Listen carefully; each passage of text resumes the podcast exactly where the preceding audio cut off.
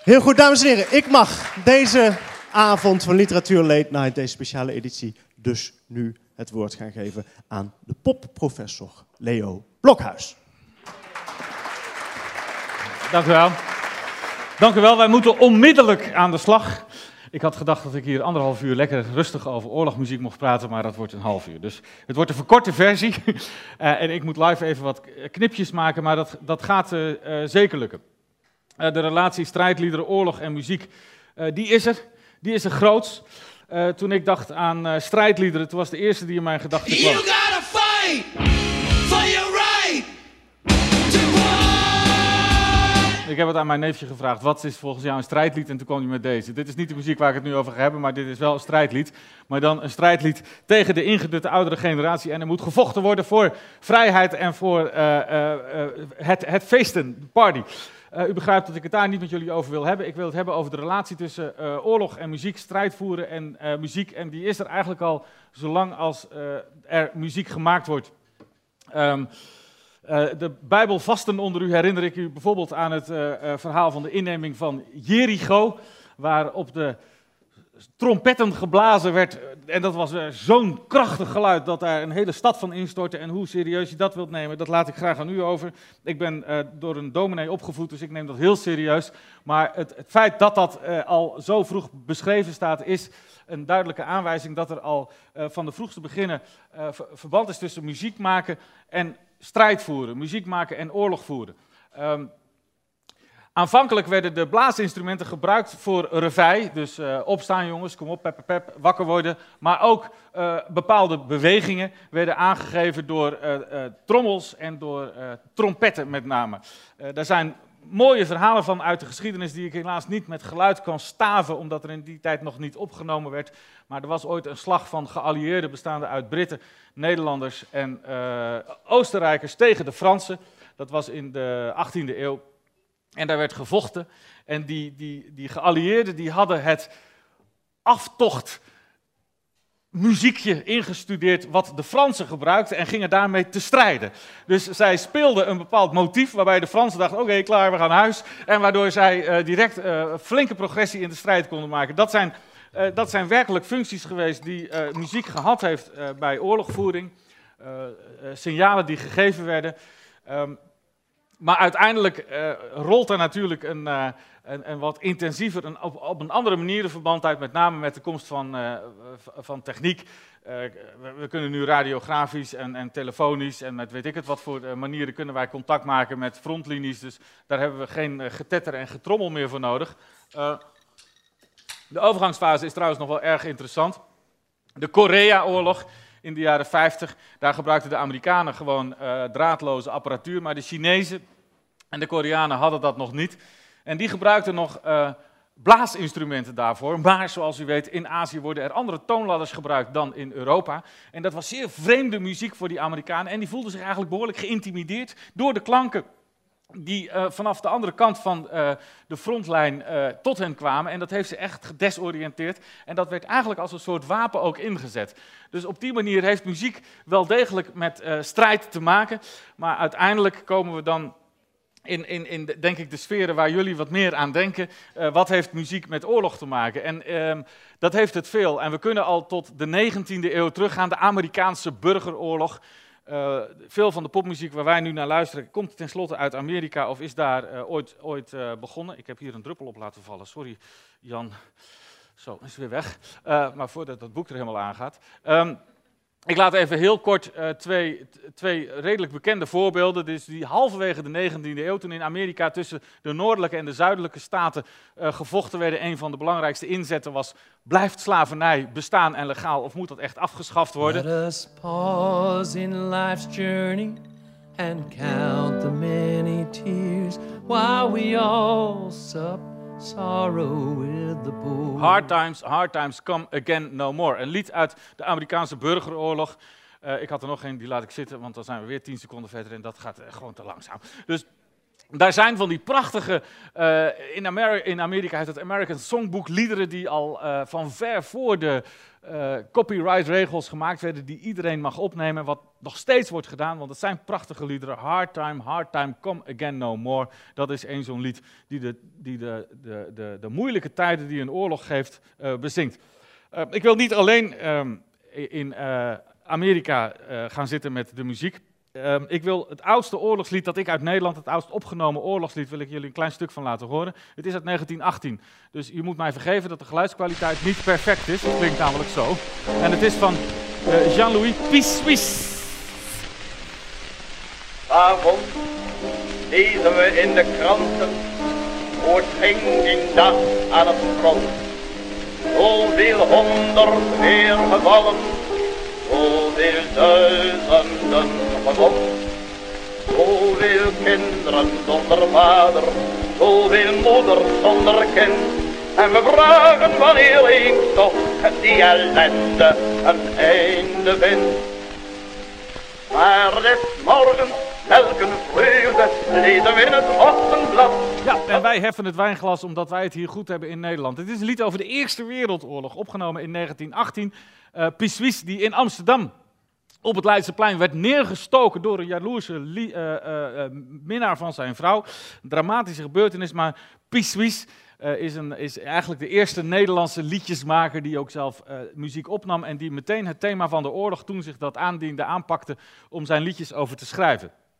Eerste Wereldoorlog, dat zult u begrijpen, daar kan ik u niet heel veel van laten horen, maar laten we zo snel mogelijk naar het herkenbare gebied gaan. En dan gaan we naar de Tweede Wereldoorlog. Uh, in de Tweede Wereldoorlog is muziek gemaakt. Um, daar zou ik de rest van de avond over kunnen praten, dat kan ik helaas niet doen. Um, maar vanuit de Duitse bezetter was eigenlijk alle swingmuziek, alle Amerikaans getinte muziek, of zoals toen ook graag gezegd werd, alle negermuziek was verboden. Dus uh, dit soort dingen. Meneer Dinges, weet niet wat swing is. Hij weet niet wat saxofoon voor een ding is. Meneer Dinges weet niet wat swing is. Zongen ze ook met een soort negeraccent. Dat kon toen gewoon nog. Dit zijn uh, Johnny and Jones. Een Nederlands en Amsterdams duo. Uh, die liedjes zongen al voor de oorlog. Dit is 1938. Maar zij waren Jood. En zij kwamen uiteindelijk in Westerbork terecht. En dit is bizar. In Westerbork schreven zij gewoon. Uh, Westerbork is eigenlijk een kamp waar de Duitsers probeerden het leven zo gewoon mogelijk te laten verlopen. De mensen die daar weggingen, het was een doorgangskamp. Die gingen elders omdat ze daar moesten werken of weet ik het wat. Er waren eigenlijk, zeker in het begin, weinig mensen die wisten dat iedereen naar de gaskamer gedeporteerd werd. Dus zij probeerden daar het leven zo gewoon mogelijk te laten zijn. Er kon daar gewerkt worden en er werd daar ook uh, voor vermaak gezorgd. En Johnny en Jones waren twee van die mannen die daarvoor vermaak zorgden. En die mochten op een gegeven moment een plaatje opnemen tijdens de oorlog. Dus ze mochten uit Westerbork, mochten ze weg. En ze gingen naar Amsterdam om daar een plaat op te nemen. Kregen onmiddellijk een onderduikadres aangeboden, maar hebben allebei geweigerd omdat hun vrouwen nog in Westerbork zaten. Dus zij wisten wel, ja, zo lekker is het nou ook niet. Als wij hierop ingaan, dan weten we zeker dat wij problemen veroorzaken voor onze echtgenoten. Dus laten wij teruggaan naar uh, het kamp. En in Westerbork, in die tijd, in 1944, namen zij de Westerborkse renade op. Ik zing mijn Westerborkse renade. Langs het spoorbaantje schijnt een zilvermaantje op de heide. Ik zing mijn Westerborkse renade. Langs het spoorlijntje schijnt het maantje over de hei. Het is om te janken zo onschuldig eigenlijk. Alsof daar een romantiek was daar in Westerbork. En dat was het misschien ook wel voor hen. Wisten niet waar ze naartoe gingen. Ze zijn uiteindelijk in 1945 uh, uh, weggevoerd uit Westerbork. Zijn door uitputting overleden. Kort voor, de, voor de, het einde van de oorlog. Deze twee mannen hebben het geen van beiden gered. Zeer aangrijpend lied vind ik dit. Um, die eigenlijk de onschuldige kant van de oorlog probeert te bezingen, die er eigenlijk helemaal niet is. In de Tweede Wereldoorlog uh, was er uh, niet alleen een, een, strijd om, om, land en om gebied tussen de Duitsers en de geallieerden, maar daar werd op allerlei fronten werd daar strijd gevoerd. bijvoorbeeld was het een, een, Britse militair die bedacht dat dit een heel goed morsenteken was. Punt, punt, punt, streep. In morse is dat een V. Victory. Die Duitsers baalden daarvan. Hun Beethoven werd gepikt door de geallieerden om een victory sign te maken. Daar zijn ze nog helemaal gek geworden. Uh, in, er werd natuurlijk veel meer muziek gemaakt. Hier, deze jongen.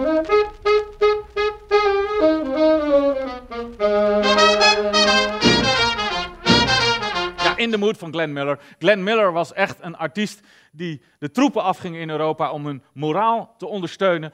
Uh, Glenn Miller is ook officieel missing in action. Die is ooit met het vliegtuig uh, tijdens de oorlog uh, 1944 van uh, Engeland naar Frankrijk, geloof ik, gevlogen. Of de andere kant op. Dat vliegtuig is ergens boven het kanaal verdwenen. Hij is nooit gevonden. Dus officieel heet hij Missing in Action. Hele grote artiest die direct aan de oorlog gekoppeld is. Ik blijf toch nog even terug bij Beethoven. De klassieke muziek speelde wel degelijk een rol toen in de, in de, in de muziek. De jazz en de Amerikaanse muziek die kwam op in de jaren 40. Maar in Europa werd er nog volop uh, uh, prachtige klassieke muziek gemaakt. In Rusland bijvoorbeeld had je Shostakovich, die nog uh, volop in actie was. En Shostakovich die, die zag van dichtbij de ellende bij de stad Leningrad, waar de Duitsers naartoe oprukten en waar een, een bloedige strijd werd geleverd. En hij schreef zijn zevende symfonie, en die heet ook Leningrad, en dat is, dat is een stuk van, van vijf kwartier. Ik zou het je willen laten horen, maar daarin zit het geweld en, de, en, en, en het verdriet van de oorlog verpakt op een prachtige, indrukwekkende manier. Dit is gewoon het begin.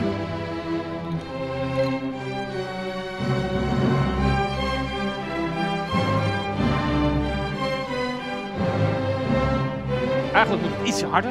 Ja, ik sta achter het geluid, dus ik weet niet. Maar goed, dit zijn de oprukkende naties naar, naar, naar Leningrad. Dat is, dat is wat, wat hier verbeeld wordt in de muziek. Je zou voor de grap, als je van klassieke muziek houdt, dan weet je het al. Als je een beetje geïnteresseerd bent in klassieke muziek, ga luisteren. Het is een prachtig stuk. En Shostakovich heeft meer goodwill voor alle Russen kunnen doen dan weet ik het hoeveel uh, uh, uh, um, cultuuruitwisselingen er tussen Rusland en Amerika plaatsgevonden hebben. Want iedereen was bijzonder onder de indruk van dit stuk. De emotie die in dit stuk en, en, en de prachtige manier waarin in de muziek de strijd wordt verbeeld, is, is, is zeer aangrijpend en absoluut de moeite waard om, om uit te zoeken. In Duitsland had je de cultuurkammer en die verbood dus de Amerikaanse, de Anglo-Saxische muziek. En die bevorderde de Arische muziek. En een van de Arische muzikanten die zeker nog kon, dat was uh, Richard Strauss. De laatste Strauss die nog leefde. En um, ja, die eigenlijk al uh, best wel op leeftijd was. Uh, en die eigenlijk niet de moed heeft gehad om zich te verzetten tegen het bewind wat op dat moment in Duitsland en Oostenrijk gevoerd werd. En hij componeerde in 1944 een stuk waarin hij de verschrikkingen van de oorlog en de vervreemding die hij voelde met zijn eigen land uh, muzikaal vormgeeft. Dat is een prachtig stuk, stuk, het heet Metamorfose. En ik wil je er toch even een kort stukje van laten horen, omdat het zo ongelooflijk mooi is.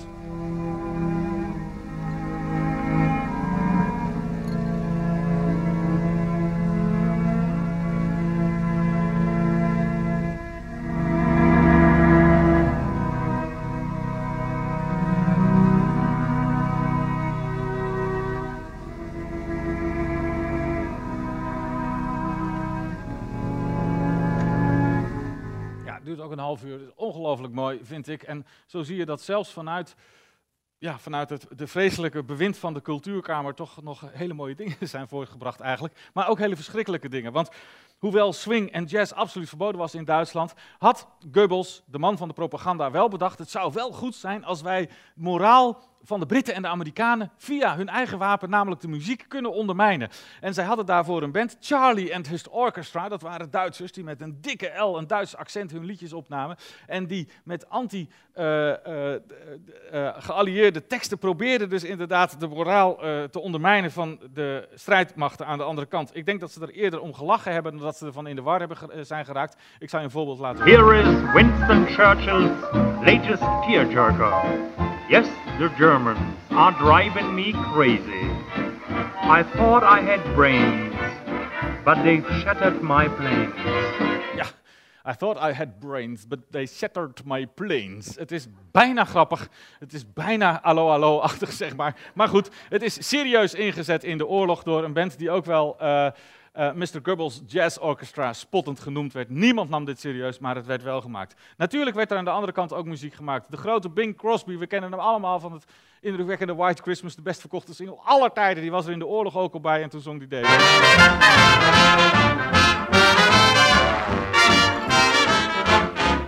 Be a hot time in the town of Berlin when the Yanks go marching in. I want to be their boy, spread some joy when they take old Berlin. Ja, it's gonna be a hot time in Berlin als de Yanks come marching in. Dit is dus de omgekeerde propaganda. Moraal van de troepen aan de Amerikaanse kant um, vergroten door Bing Crosby. Dat werd ook in de wat meer obscure kringen gedaan. In de folkmuziek had je de Almanac Singers. Dat waren alle grote folkmuzikanten bij elkaar in één bandje. Die zongen dit. Well, the German army general staff, yes, they missed connection. They went a hundred miles a day, but in the wrong direction. Hey, round, round, Hitler's grave, round, round we go. Ja, we hoeven ons niet zoveel zorgen te maken om die Duitsers. Die hebben honderd maal gemarcht, maar wel jammer de verkeerde kant op. Eh, het is gewoon een gebbetje. Dit werd natuurlijk alleen in Amerika geluisterd en bezongen. Dit zijn de Almanac Singers. Er zit onder andere Pete Seeger en Woody Guthrie die zingen daarin. Dat zijn echt de groten uit de folkmuziek die later weer een voorbeeld zijn geweest eh, voor Bob Dylan. En eigenlijk wil ik maar meteen doorschieten naar eh, die Bob Dylan. Daar neem ik een kleine tussenstap voor. Ehm, de Tweede Wereldoorlog is op een gegeven moment afgelopen. Daar is natuurlijk in die tijd werd er nog niet echt popmuziek gemaakt. Maar er zijn wel altijd artiesten die beïnvloed zijn door wat er in de Tweede Wereldoorlog gebeurd is. Dat zijn dan de tweede generatie artiesten. En de allerbekendste van die jongens is Roger Waters van Pink Floyd. Ik kan er veel noemen, maar ik wil hem in ieder geval even noemen. Dat hele meesterwerk van hem, The Wall met Pink Floyd, is een, een, een stuk wat hij tegenwoordig weer live doet en wat door, helemaal doordrongen is van het besef van, van muren die tussen volken staan en scheidingen die door, eh, eh, eh, die door overheden neergezet worden, zodat eh, volkeren elkaar niet in vrede en vriendschap kunnen ontmoeten. Ehm, maar hij loopt zelf ook met een soort afgeleid oorlogstrauma rond, namelijk zijn vader is overleden bij een slag in Italië. Waarbij eh, het legeronderdeel waar zijn vader eh, eh, als Britse soldaat eh, bij zat op onverantwoorde wijze ergens ten strijde is gestuurd. En hij heeft daar een lied over geschreven. Dat was eigenlijk bedoeld voor The Wall, maar zijn collega's van Pink Floyd vonden dit een te persoonlijk lied. Is niet in The Wall opgenomen, maar wel later uitgebracht. En dat heet When the Tigers Broke Free. En weer even, het is belangrijk dat je even een klein stukje van de tekst meekrijgt. It was just one miserable black 44. When the forward commander was told to sit tight, when he asked that his men be withdrawn, and the generals gave thanks as the other ranks held back the enemy tanks. Moeilijk om nu te onderbreken, want je moet, maar het is één doorlopend verhaal. De commandant ter plekke ziet dat het onverantwoord is om die strijd aan te gaan, maar hij krijgt marsorders van boven. Je moet gaan. En bijna dat hele peloton is uitgeroeid daar. En daar was de vader van Roger Waters bij. Een wond die hij zijn leven lang bij zich draagt en waar je regelmatig in de muziek iets van terug hoort. Zeker in dit nummer When the Tigers Broke Free. Ehm, de Tweede Wereldoorlog is dat. Nou zijn er na de Tweede Wereldoorlog natuurlijk nog veel oorlogen gevoerd. Uh, allereerst had je vanuit Amerika de Korea-oorlog. Die werd niet aanvankelijk vanuit Amerika gevoerd, maar vanuit Frankrijk. Het was natuurlijk Indochina wat daar uh, uh, zat in de jaren 40, 50. Waar het rode gevaar vanuit het noorden kwam en waar gevochten moest worden. En lang niet alle Franse jonge mannen hadden trek in die oorlog waarvan zij het nut volledig niet zagen. En in de Franse popmuziek hoor je daar veel over. Alleen wij kennen de Franse popmuziek niet zo heel goed. Ja, we kennen de jaren 70 hitjes uh, uh, en, en, en de vrolijke Tour de France dingetjes. Maar er is ontzettend goede, interessante uh, popmuziek gemaakt al in de jaren 40 en 50. Dit is een lied uit de jaren 50 van Boris Vian. Boris Vian is een man die heeft prachtige gedichten geschreven, maar hij zong ze zelf ook. Dit is zijn beroemdste stuk. Het heet Le Déserteur. Le Déserteur. Dat zeg ik.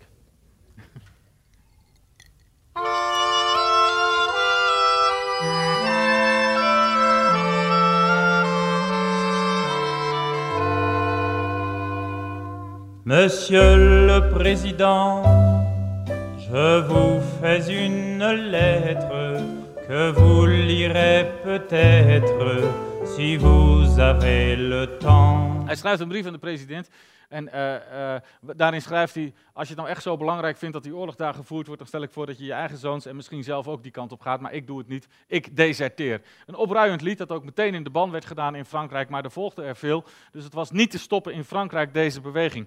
Het gekke is dat in die tijd in Amerika veel onschuldiger popmuziek gemaakt wordt. Wij denken altijd dat al die dingen in Amerika begonnen zijn, ook die, die uh, Korea-oorlog en de Vietnamoorlog. Maar dat begon muzikaal ongelooflijk, uh, ja, puberaal zou ik bijna zeggen. De eerste liedjes die over de oorlog gaan, ja, dan moet je toch een beetje denken aan dit soort... Uh,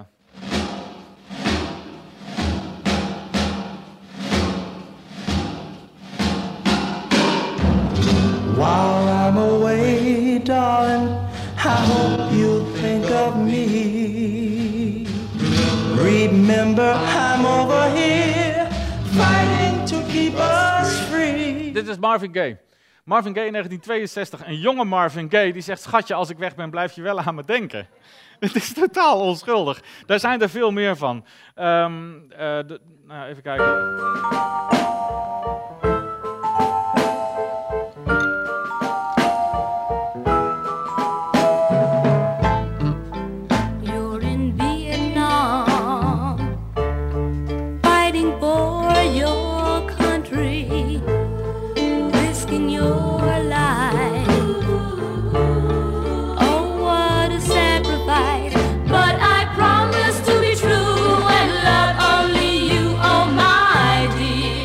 Wat de oorlog eigenlijk wordt, Wish You Were Here is dit. Wat de oorlog eigenlijk wordt, is een groot drama in een liefdesleven. Dat is wat het is. Schatje, jij bent daar, maar geloof, geloof me, ik blijf je trouw, ook al ben je niet hier. Dat is eigenlijk het thema wat je in de, in de vroege oorlogsliedjes, in de vroege jaren 60 vindt in Amerika. Eh, op een gegeven moment komt daar wat meer urgentie in. Bob Dylan is een van de mensen die daar wat aan, eh, aan doet natuurlijk. Hier is zijn befaamde Masters of War. masters of war. You that build the big guns. You that build the death planes. You that build all the bombs.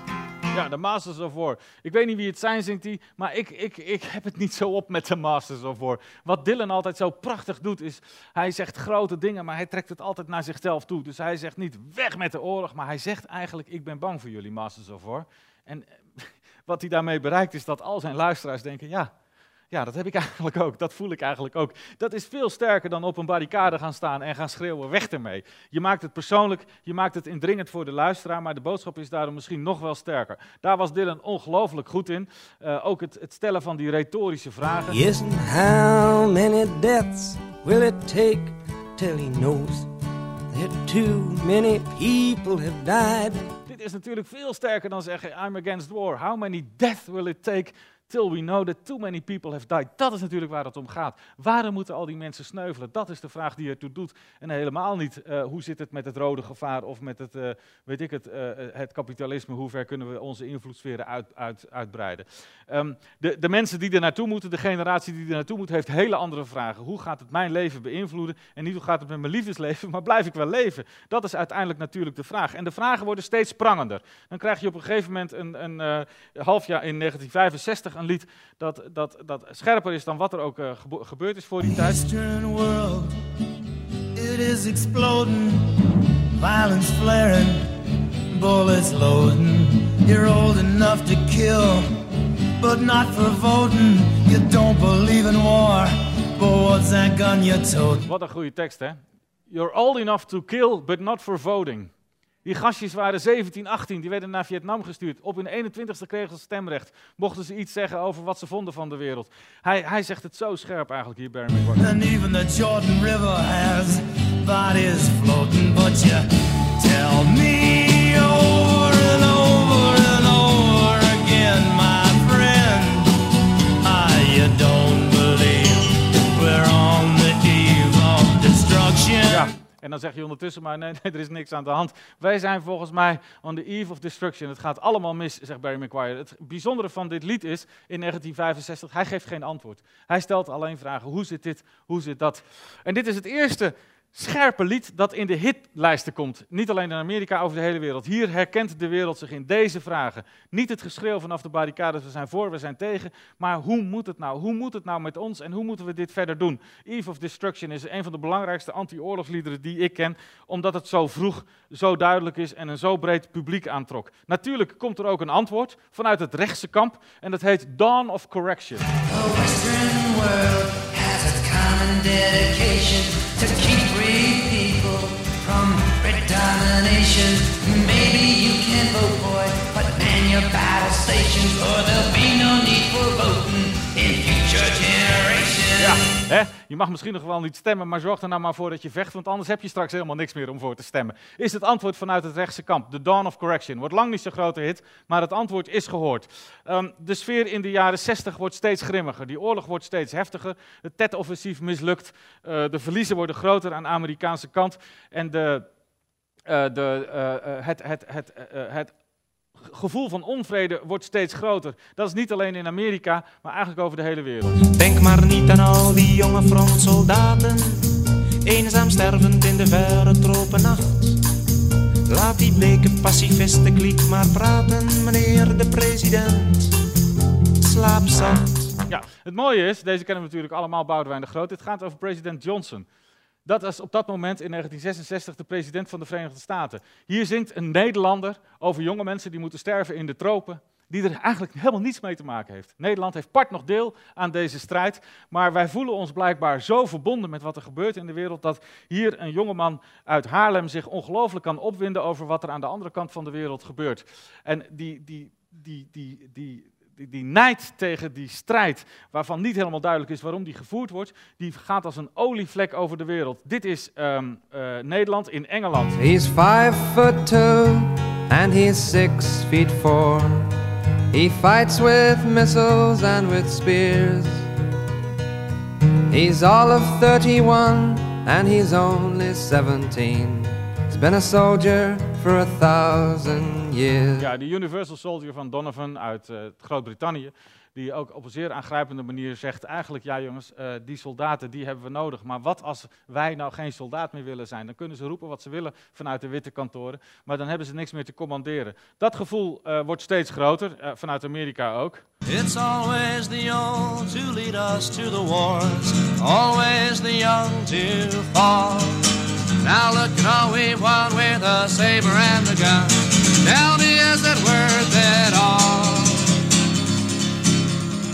I California I ain't marching anymore, heet dit van Phil Ox. Ik doe het niet meer. Dat gevoel van pacifisme, dat wordt steeds breder. In Amerika kon je twee dingen doen. Je kon dienst weigeren of je kon naar Canada verhuizen. Dat deden er ook aardig wat. Die gingen in Canada zitten. Die hebben de rest van hun leven geen voet meer in Amerika kunnen zetten. Want dat is een behoorlijk serieus vergrijp als je dat doet. Maar ze kwamen ermee weg. De onlangs overleden singer-songwriter Jesse Winchester, die prachtige liedjes maakt, dat was er zo een. Die was in Canada gaan wonen, heeft met de band nog hele mooie dingen opgenomen. Maar die kon niet meer naar Amerika omdat hij in feite dienstweigeraar was.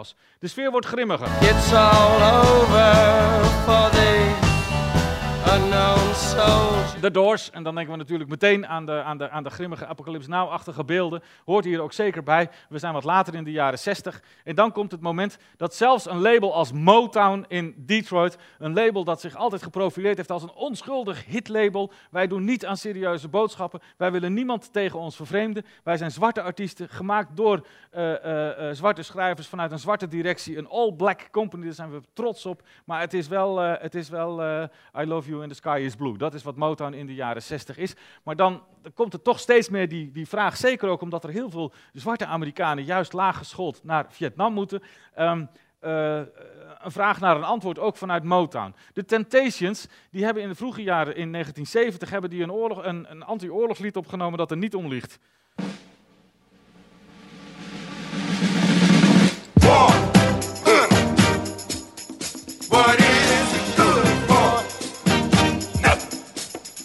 War, what is it good for? Er wordt ernstig gevraagd naar dit lied op single. Want de mensen om Barry Gordy, de baas van Motown, en die weten zeker als we hier iets mee doen, dat gaat lukken. Dit gaat werken, want dit is, dit is, eh, eh, dit is zo'n krachtig statement.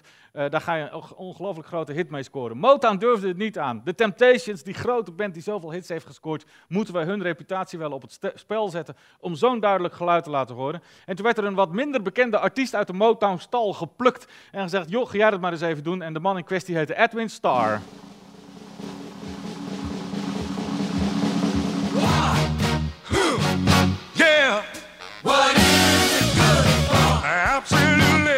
Ja,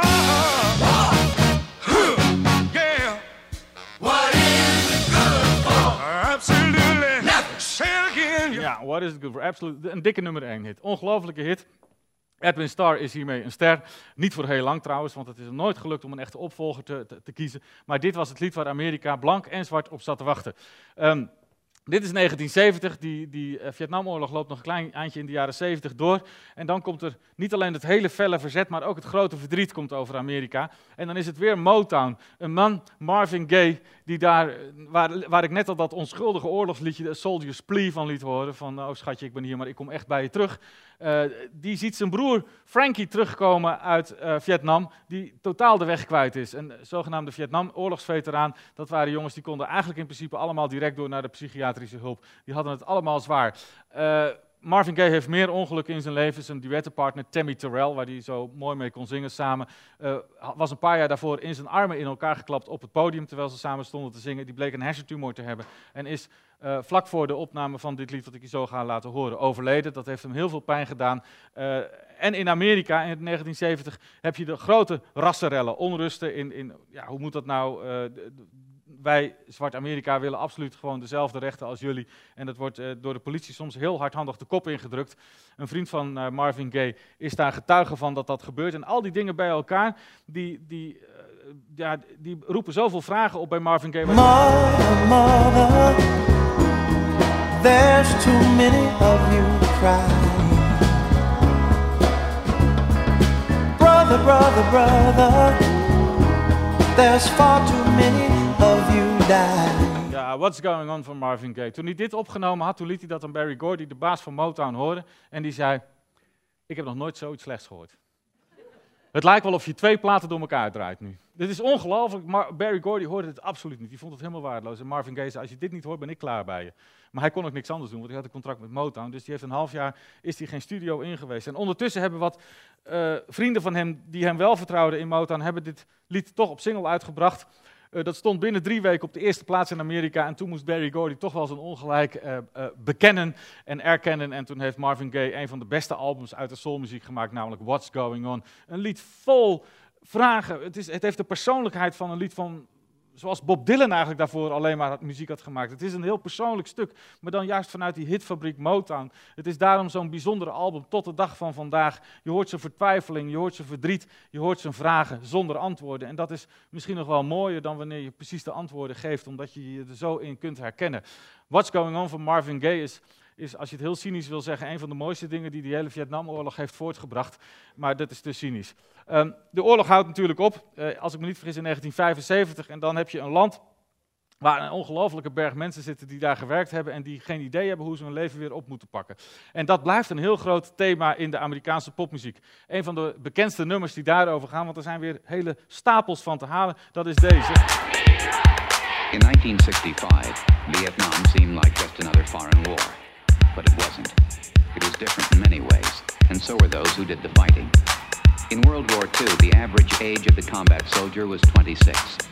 In Vietnam, he was 19. In, in, in, in, Vietnam, he was 19. In, Vietnam, he was 19. In, Vietnam, he was 19. Ja, dit is 19 van Paul Hardcastle. Ik heb er nog hard op gedanst in de jaren 80, wist ik veel. Eh, en zo'n lied is het ook. Het is natuurlijk een, een ziek lied eigenlijk. Eerste, in de Tweede Wereldoorlog was de gemiddelde leeftijd 3,24. In Vietnam is het 19. In werkelijkheid lag het daar zelfs nog iets onder, heb ik me laten vertellen. Maar eh, het, is, het is, nou ja, ik zal je nog eentje laten horen die te bekend is, maar as soulmates ja. on. Billy Joel met Good Night Saigon. Dat is een, een van de grootste hits. In de jaren 80 wordt dat een heel groot thema in de popmuziek. Dat heeft denk ik ook te maken met het feit dat in de jaren 80 eh, eh, de spanning in de wereld ongelooflijk terug is middels die vervelende, vervloekte Koude Oorlog. En ook dus niet alleen de, de veteranen die, die, die, die, die voelen dat, dat, dat, dat de wereld absoluut niet rustiger is geworden door het feit dat zij daar in de verre gevochten hebben, maar dat er nog steeds heel veel spanning is. Eh, in Amerika is dat een, een, een thema, maar in Europa is overal de onrust. De Amerikanen willen kruisraketten in Nederland neerzetten, er gebeurt van alles en wij doen dan maar... Carrière maken voordat de bom valt. Werken aan mijn toekomst voordat de bom valt. En alleen de vogels vliegen van oost naar West-Berlijn. Nou, twee voorbeelden. Ik laat ze even uit Nederland horen, omdat dat lekker dichtbij is. Maar geloof mij, in heel Europa, 99 hoeveel, in heel, in heel de wereld zijn liedjes met dit thema gemaakt. Aan de ene kant fatalisme. Jongens, wat kunnen we eraan doen? Valt de bom, dan valt de bom. Dan kunnen we zo hard rennen als we willen of onder de grond gaan zitten. Maar dan gaan we er met z'n allen aan. Dus dat dansen op de vulkaan heb je heel erg in de jaren 80. En de, ja, en, en, en de boosheid. Ja, de vogels die mogen wel. Maar waarom, waarom mogen mensen in Berlijn niet naar elkaar? Waar, waarom, waarom is het zoals het is?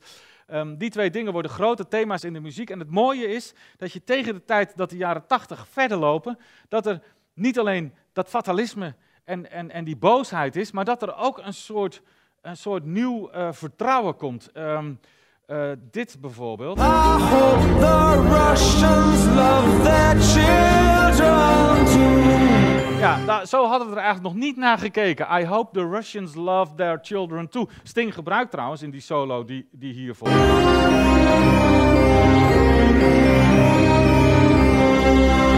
Een thema van de Russische componist Prokofjev.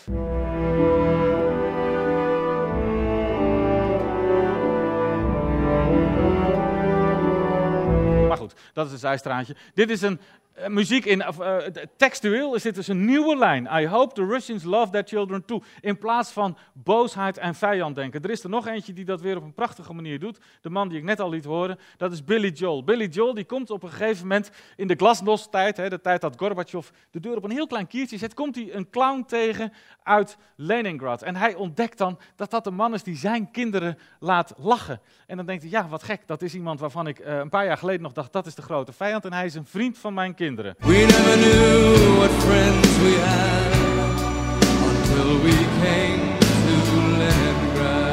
Ja, we never knew what friends we had until we came to Leningrad. Toen hij in Leningrad kon komen, toen kon hij die clown ontmoeten. En toen merkte hij, wij zijn allemaal gelijk. We zijn gewoon mensen die elkaar graag in de ogen willen kijken. Dus hier voel je de deur op een kier gaan. Het bizarre is dat natuurlijk kort daarna die muur viel. En, en, en dat er eh, een soort eh, totale ontspanning tussen Oost en West kwam. En dat we de laatste weken weer het omgekeerde gaan voelen. En dat ik vandaag in de krant lag dat de NAVO nu officieel Rusland weer tot vijand verklaart. Dus we kunnen die oude liedjes er weer bij gaan halen.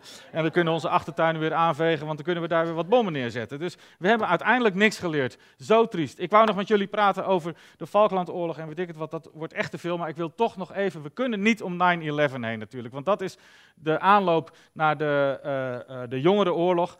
Eh, ik bedoel, de, de jongeren in de zin van jongeren in tijd. Ehm, en het bizarre is, ik, ik heb jullie allemaal eigenlijk soort anti-oorlogsliederen laten horen. Ik weet niet of je opgevallen is, maar meestal is dat vanuit de popmuziek. Dat is ook niet gek.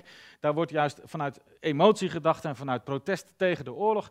En wat je nu de laatste eh 15 jaar in Amerika ziet, is dat dat verhaal er zeker is, maar dat er ook een andere kant is. En dat zie je vooral in het zuiden van de Verenigde Staten. De clichés kloppen. Eh, folkmuziek en rockmuziek is progressief. Countrymuziek is ouderwets, is redneck. Ehm, ik heb een paar eh, doorgewinterde country-artiesten. Charlie Daniels ehm, eh, eh, de- de- van eh, The Devil Went Down to Georgia met die viool. Misschien ken je hem nog, ik heb hem hier even niet bij de hand. Maar die zingt eh, in 2001, het jaar van 9-11. zingt- This ain't no rag, it's a flag, and we don't wear it on our heads. It's a symbol of the land where the good guys live. Are you listening to what I said? You a coward and a fool, and you broke all the rules, and you wounded our American pride. And now we're coming with a gun, you're gonna run, but you can't find no place to hide. Ja, we're coming with a gun and there's no place to hide. Aan het eind wordt het nog erger. Even kijken. USA! USA! USA! USA! Ja, laat een kind zweren op de vlag en roept daarachter USA, USA, USA. En je hebt de sfeer. Dit is Charlie Daniels in, eh, eh, in, in de vroege jaren 2000. Hij is absoluut niet de enige. Dit is de grootste hit in Amerika in hetzelfde jaar. You'll be sorry that you mess with the US of A. Sorry that you messed with the US of A. Cause we'll put a boot in your ass. It's the American way. Hey, أنا اليوم نحكي معاك باسمي واسم الشعب الكل اللي عايش بالأحلام 2011 ما زال فما شكون يموت بالجوع حاب يخدم باش يعيش لكن صوته مش مسموع Nou, dit was een heel belangrijk lied. Ik kan je het hele lied laten horen, maar je verstaat er toch geen, geen hout van. Maar dit is een, een scherpe aanklacht tegen het dan heersende bewind in Tunesië. Eh, hij wilde het omverwerpen. Die man is, eh, eh, heeft dit een half jaar kunnen zingen en werd vervolgens opgesloten. En daar hebben we nooit meer wat van gehoord. Die man is verdwenen. En daar zijn er meer van in, eh, in Noord-Afrika en ook in Syrië, waar dat ook aan de hand is. Daar wordt het weer zingen op leven en dood. Bij ons is dat helemaal voorbij. En wij kunnen ons rustig wentelen in de gedachte dat het misschien allemaal ooit een keer goed komt.